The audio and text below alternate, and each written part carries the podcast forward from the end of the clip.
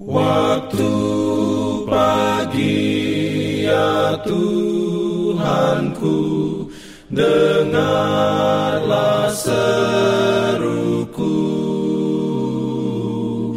Melayang doa yang sungguh Memandang padamu. Selamat pagi pendengar Radio Advent Suara Pengharapan Mari mendengarkan suara Tuhan melalui tulisan pena inspirasi bersama Allah di waktu fajar.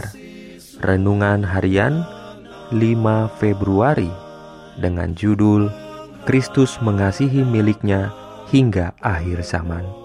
Ayat inti diambil dari Yohanes 13 ayat 1. Firman Tuhan berbunyi, Sementara itu sebelum hari raya Paskah mulai, Yesus telah tahu bahwa saatnya sudah tiba untuk beralih dari dunia ini kepada Bapa.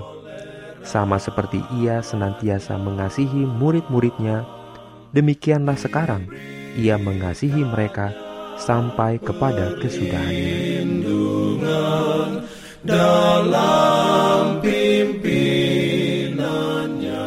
Urayanya sebagai berikut.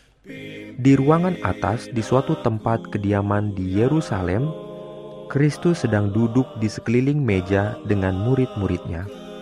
Mereka telah berhimpun untuk merayakan Paskah. Juru selamat ingin mengadakan pesta ini tersendiri dengan kedua belas muridnya. Ia mengetahui bahwa saatnya sudah tiba. Ia sendirilah anak domba Paskah yang sebenarnya. Dan pada hari Paskah itu dimakan, ia akan dikorbankan. Ia hampir akan minum cawan murka.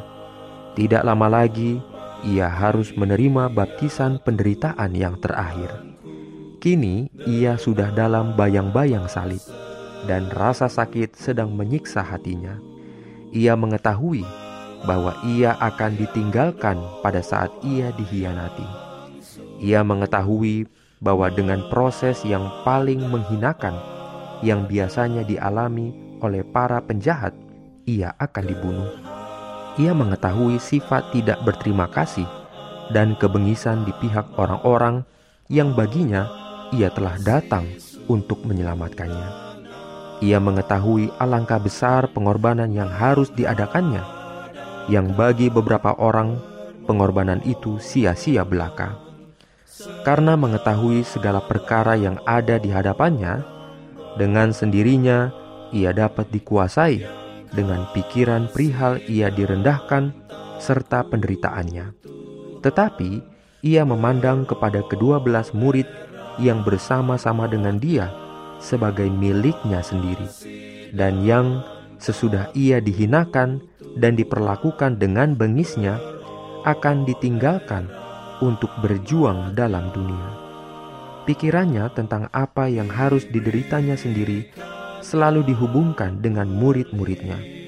Ia tidak berpikir mengenai dirinya sendiri. Perhatiannya bagi mereka paling utama dalam pikirannya. Amin. Pimpin aku ya roh Allah dalam Jangan lupa untuk melanjutkan bacaan Alkitab sedunia percayalah kepada nabi-nabinya yang untuk hari ini melanjutkan dari buku kejadian pasal 23. Selamat sabat dan selamat berbakti. Tuhan memberkati kita semua. Jalan keselamatan